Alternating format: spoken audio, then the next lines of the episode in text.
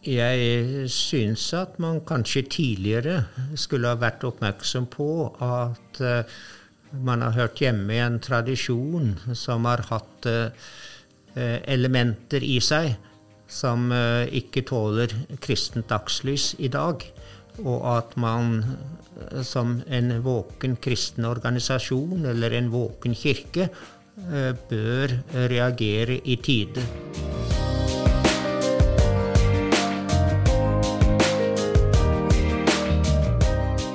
Lytter til podkasten 'Kirken og jøda' med Rolf Gunnar Heitmann og Kristoffer Eknes.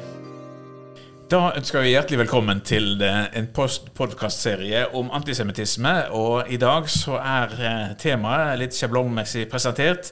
Er luthersk teologi særlig disponert for sykdommen antisemittisme, eller antijudaisme, som vi gjerne kaller den mer teologiske formen for antisemittisme? Mitt navn er Rolf Gunnar Heitmann, er seniorrådgiver i Den norske Israelsmisjon. Og jeg sitter her i studio sammen med professor emeritus Torleif Aust, Austad ved MF Vitenskapelig høgskole, som det heter i dag. Vi kjenner det kanskje best som Menighetsfakultetet. Og Torleif, jeg så litt på nettet og ser at eh, når jeg søker i universitetets biblioteksbase, så kommer det frem 519 treff på bøker og artikler som du har skrevet eller vært medredaktør for. Så du har en betydelig produksjon bak deg. Og du har særlig vært opptatt av kirkens holdning til jødene før og under andre verdenskrig. Og det er også noe av bakgrunnen for at de har invitert deg hit i dag.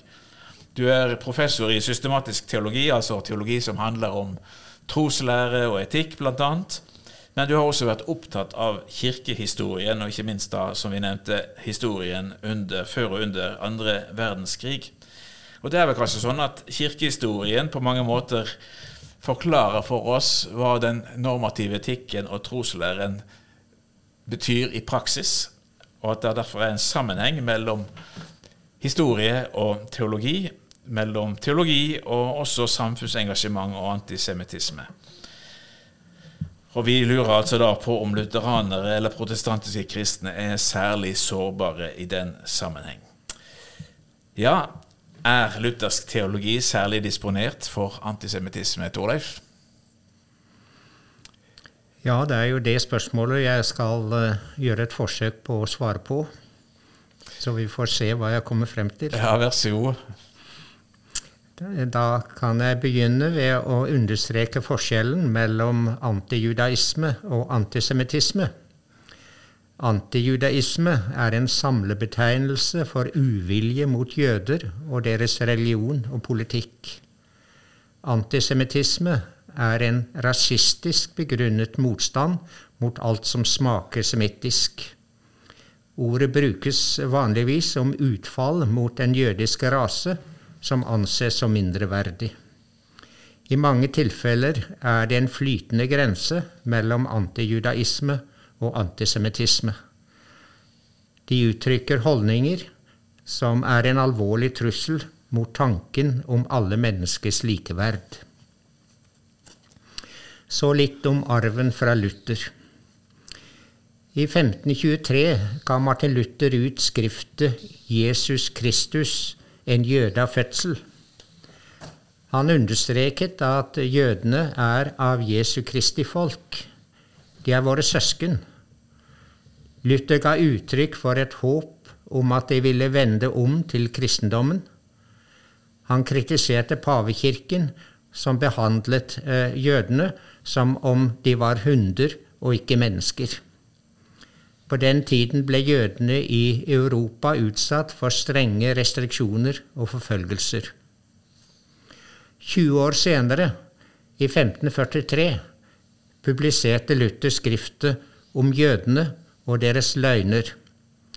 Her omtales de som et ondt, halvstarrig, blasfemisk folk. De fordreier Bibelen. Som djevelens barn står de under Guds frede. Skolene og synagogene deres burde brennes, og de jødiske skriftene beslaglegges. Det ville være best å plassere dem i egne leirer. Denne arven fra Luther er en skamplett for Kirken, særlig for den lutherske kirke. Bak Luthers voldsomme utfall mot jødene lå skuffelsen over at så få av dem konverterte til den kristne tro. Vi bør nok skille mellom Luther og den lutherske kirke. Denne kirken har sitt læregrunnlag i de lutherske bekjennelsesskrifter, og er ikke forpliktet på alt hva Luther har sagt. Han kunne være uvøren i sine meninger og i sin språkbruk. Men selv om han ikke er noen pave i den lutherske kirke, har hans ord hatt langsiktige virkninger. Adolf Hitler og nasjonalsosialistene brukte Luthers utfall mot jødene som støtte for sin rasistiske jødeforfølgelse og jødeutryddelse. Det fikk forferdelige følger. I den tyske rikskirken som den gang ble etablert, tok en sikte på å bygge bro mellom nasjonalsosialismen og kristendommen. Men hva skulle en da gjøre med jøden Jesus fra Nasaret? For å redde ham var det flere teologer som mente at han kunne være arier. For han kom fra Galilea, og folket der var et blandingsfolk hvor det kunne være ariske gener i omløp. At Jesus sannsynligvis hadde arisk blod i årene, fikk en viss utbredelse i Tyskland, men ikke i nevneverdig grad i Norge. Luthers utfall mot jødene fant derimot grobunn her til lands blant tyske okkupanter og NS-medlemmer. Så litt om antijudaistiske holdninger i folket. Med antijudaistiske tradisjoner fra oldkirken, middelalderen og reformasjonen var det en utbredt oppfatning at jøder skulle holdes utenfor det dansk-norske riket. Da Norge fikk sin egen grunnlov i 1814, ble det slått fast at jøder er det fremdeles utelukket fra adgang til riket. Selv om denne paragrafen ble fjernet i 1851, var det fortsatt motvilje mot jøder i brede lag av folket. Siden har slike holdninger nå og da dukket opp. De tyter fortsatt fram. I mellomkrigstiden slo antijudaismen gang på gang over i antisemittisme. Det skjedde også i aktive kristne kretser. La meg nevne tre trekk som var særlig synlige i årene før andre verdenskrig. 1. Rasebiologien, som ble introdusert som ny vitenskap på 1800-tallet, fikk oppmerksomhet og innflytelse i Norge fra tiden omkring første verdenskrig og i mellomkrigstiden. En ville undersøke hodene og ansiktene til ulike raser i håp om å få kunnskap som kunne forbedre arvematerialet i befolkningen. Kjemikeren og farmasøyten Jon Alfred Mjøen hevdet at Norge var i ferd med å oversvømmes av sinnssyke, døve, epileptikere og alkoholikere. Han fryktet at den nordiske rasen ville svekkes ytterligere ved innvandring og raseblanding. 2. I etterkant av den russiske revolusjonen spredte det seg en konspirasjonsteori om at den var satt i verk av jøder. I Norge utløste dette rykte frykt og slo inn i folks sinn som kniv i bløtt smør. I kirkelige kretser så en for seg en allianse av jødedom, kommunisme og ateistisk propaganda. Hvis denne blandingen, som oftest kalt bolsjevismen, skulle få fotfeste i folket, ville kirken og kristendommen ta terreng. Det ville fremme gudløsheten. Det er i dette perspektiv vi leser professor Christian Ilens uttalelse fra 1934. Jeg siterer Sammen med Russlandsveldet representerer ganske visst jødedommen den sterkeste og farligste antikristelige makt i vårt kristne Europa for tiden. 3. Sions vises protokoller fra begynnelsen av 1900-tallet ga seg ut for å være ført i pennen av jøder på den første sionistkongressen i 1897. Budskapet derfra var at det landflyktige jødefolket tok sikte på å erobre verden. Jødene hadde planer om å sette de kristne nasjonene opp mot hverandre, ruinere dem og opprette et jødisk messiansk rike. Først i 1921 ble protokollene avslørt som falskneri. De viste seg å være forfattet av den russiske tsarens hemmelige politi.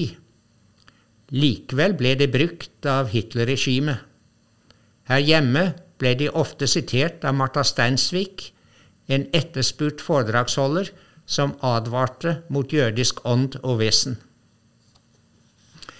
Selv om disse strømningene ikke har sine røtter i den lutherske kirke, så er det neppe tvil om at de fikk et visst fotfeste i aktive lutherske miljøer. Så litt om norske teologer. Flere fremtredende norske lutherske teologer gikk hardt ut mot jødene i mellomkrigstiden. Misjonsprest Gisle Carl Torstein Jonsson i Israelsmisjonen skrev i Kirke og kultur i 1923 at det finnes ikke noe folk på jorden som er så maktsykt som jødene. Det er et sykdomstegn hos et folk når jødene blir overmektige. Det gjelder derfor at de omvender seg og kommer til tro på Jesus Kristus.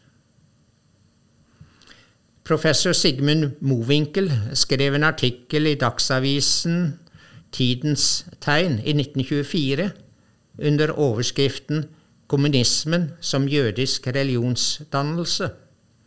Hans overtese var at kommunismen er et helt igjennom ekte og ublandet utslag av jødisk sinn.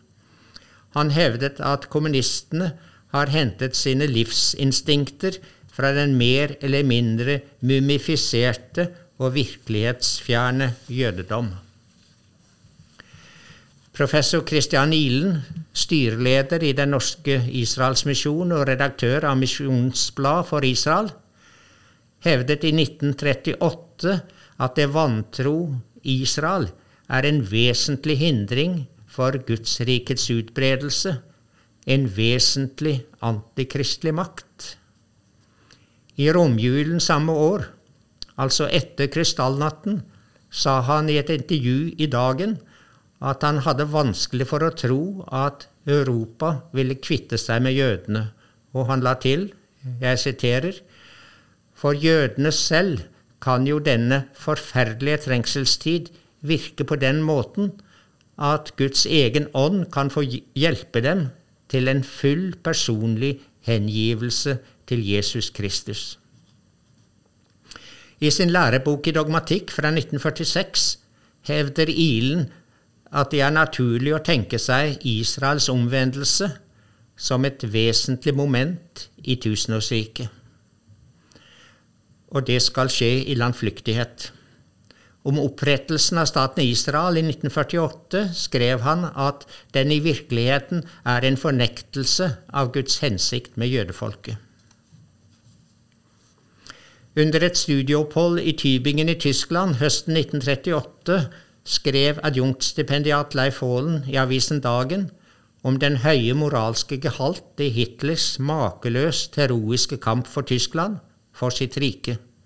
Sitt syn på jødene uttrykte han slik, jeg siterer, Jødene er sosialt og kulturelt et merkverdig rotløst folkeferd, som syns å virke åndelig og materielt oppløsende, når de får bestemmende innflytelse på et annet folks sosiale og kulturelle utvikling.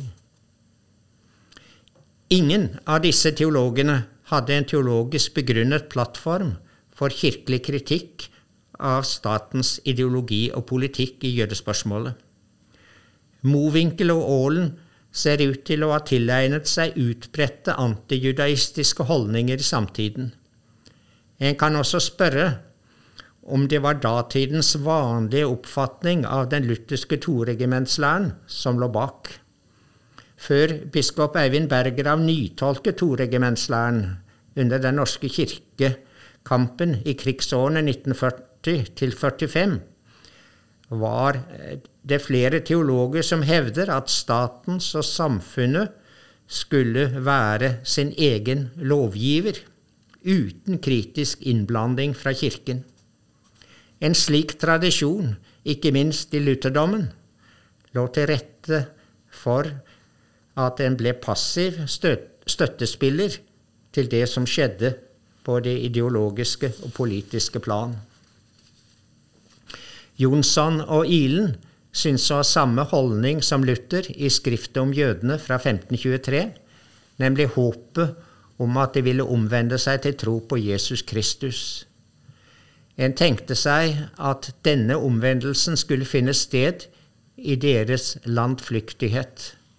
Misjon blant jødene i Romania og Ungarn var derfor spesielt viktig. Etter sin kollektive omvendelse skulle så jødene få tilbake til sitt eget land. En tenkte seg at de da ville bli ledende i en verdensomspennende kristianisering. Selv om denne tankegangen kan knyttes til Luther, eh, var nok Israelsmisjonens syn på misjon blant fordrevne jøder først og fremst preget av tysk pietistisk tradisjon, som hos Philip Jakob Spener og Johan Albrecht Bengel. Så litt om erstatningsteologien. Når vi ser tilbake på Israelsmisjonens virksomhet før andre verdenskrig, er det tydelig at den er gjennomsyret av erstatningsteologi. Denne teologien går ut på at pakten som Gud gjorde med Israel, mistet sin gyldighet for jødene etter at de avviste Jesus som Messias.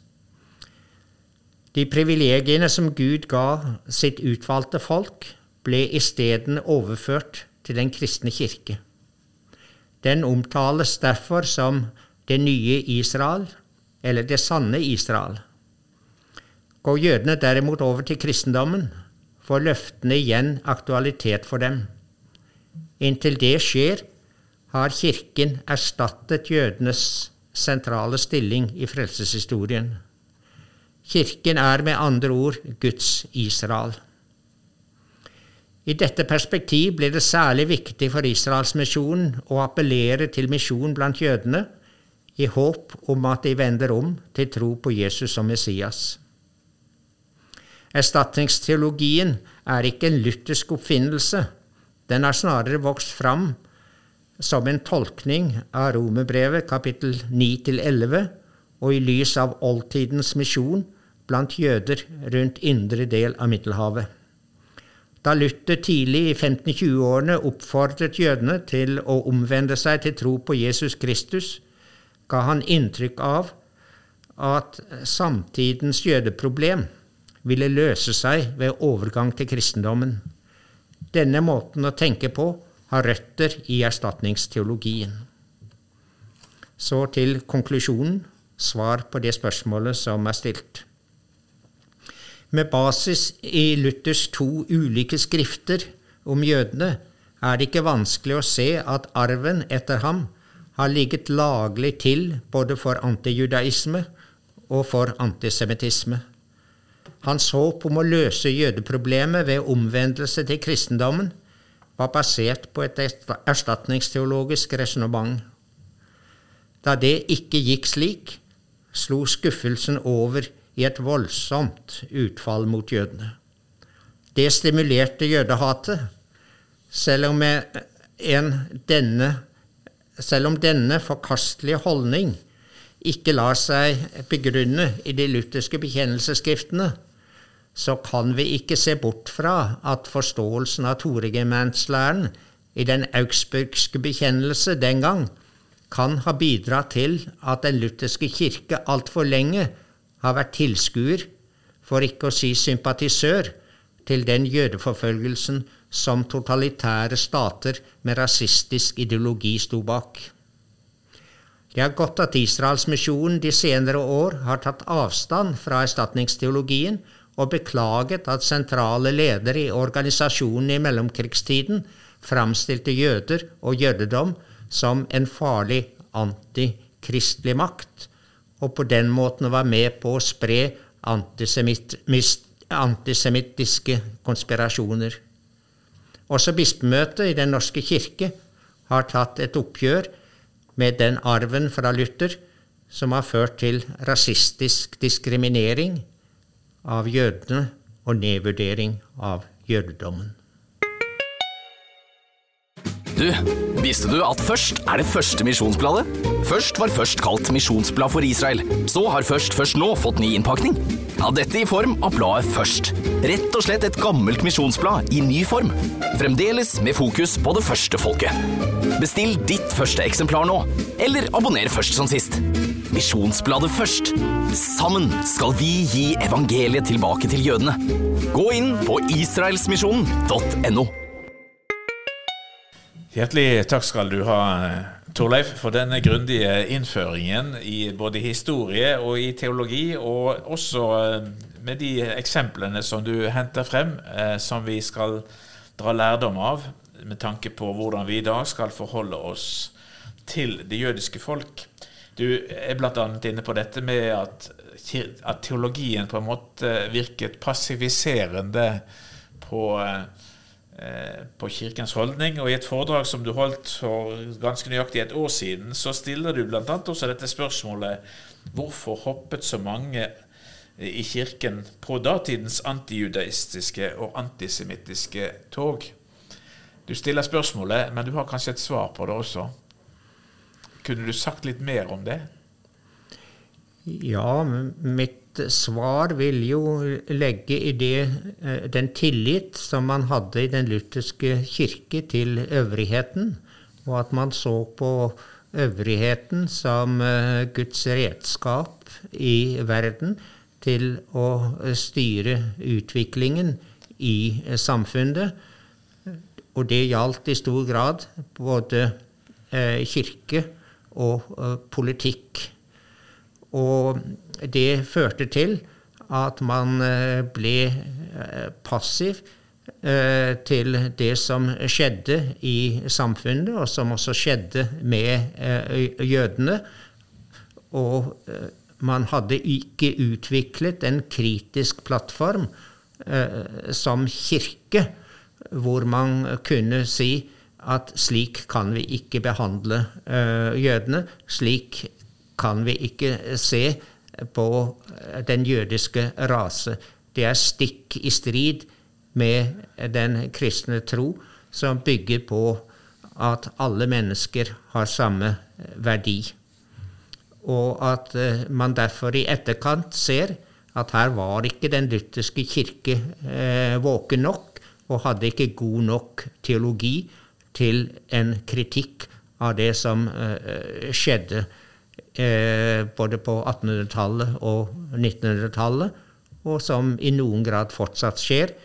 Men jeg tror nok at Kirken i dag er kommet lenger i å etablere en plattform for kritikk av ting som skjer i samfunnet, som åpenbart er i strid med kristen tro. Så vi har lært noe, mener du, av dette. Men eh, går det an å falle i en motsatt grøft? Altså at vi blir så politiserte at vi glemmer teologien? Ja, det eh, kan naturligvis eh, skje, og det har vi nok eksempler på. Og det er uheldig. Desto viktigere er det å tenke gjennom at eh, utgangspunktet for lutheranere er først og fremst en forståelse av toregimentslæren, som innebærer at Gud er herre også i det verdslige regimentet, og er forpliktet på Guds bud og ordninger.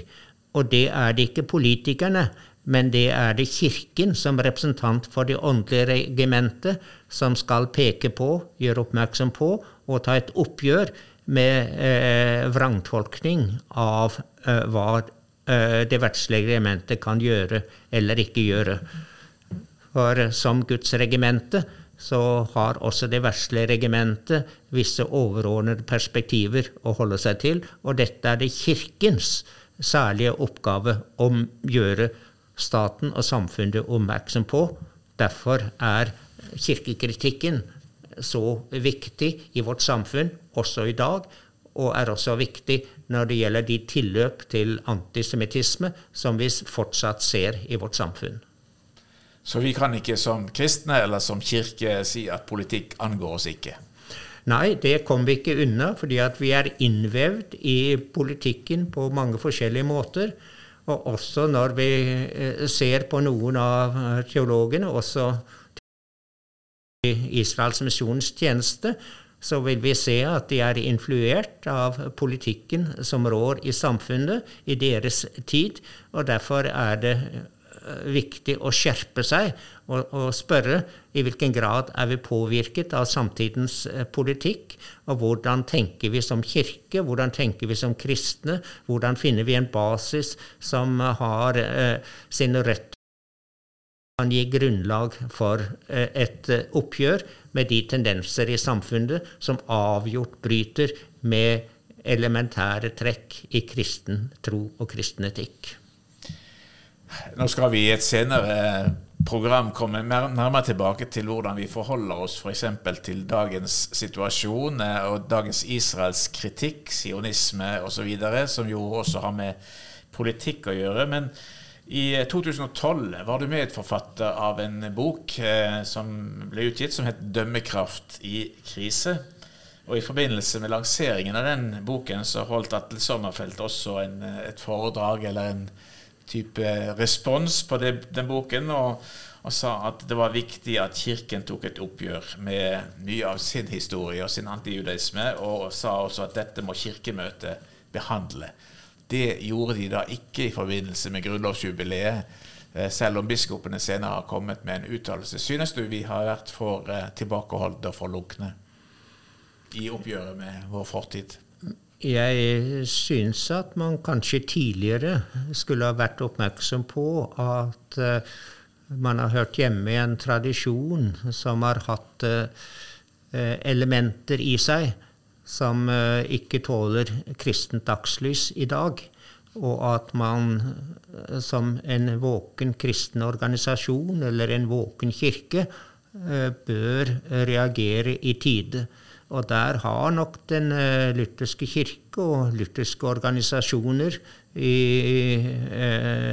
innenfor rammen av Den norske kirke vært forsiktige og har ligget eh, lavt i terrenget. Derfor er det positivt at man nå de senere år mye tydeligere enn før har eh, gått kritisk inn i sin egen historie. Selvkritikk er alltid viktig for en kirke. Vi gjør våre feil, men vi må også innse hva som kunne vært gjort annerledes, og lære av historien og ikke være redd for å kritisere våre egne tradisjoner. Det taper vi ikke på. Og En av dem som har spesielt løftet frem dette perspektivet og vist oss historien, det er du, Tone Faustad. Hjertelig takk for at du har eh, arbeidet så grundig med disse spørsmålene, og også legger det frem for oss i dag på denne måten. Tusen takk. Ja, selv takk. Du har nå hørt podkasten 'Kirken og jøder'. Du kan finne flere episoder på både Apple Podkast og Spotify. Om du vil lese mer om emnene fra podkasten, kan du besøke oss på israelsmisjon.no. På gjensyn.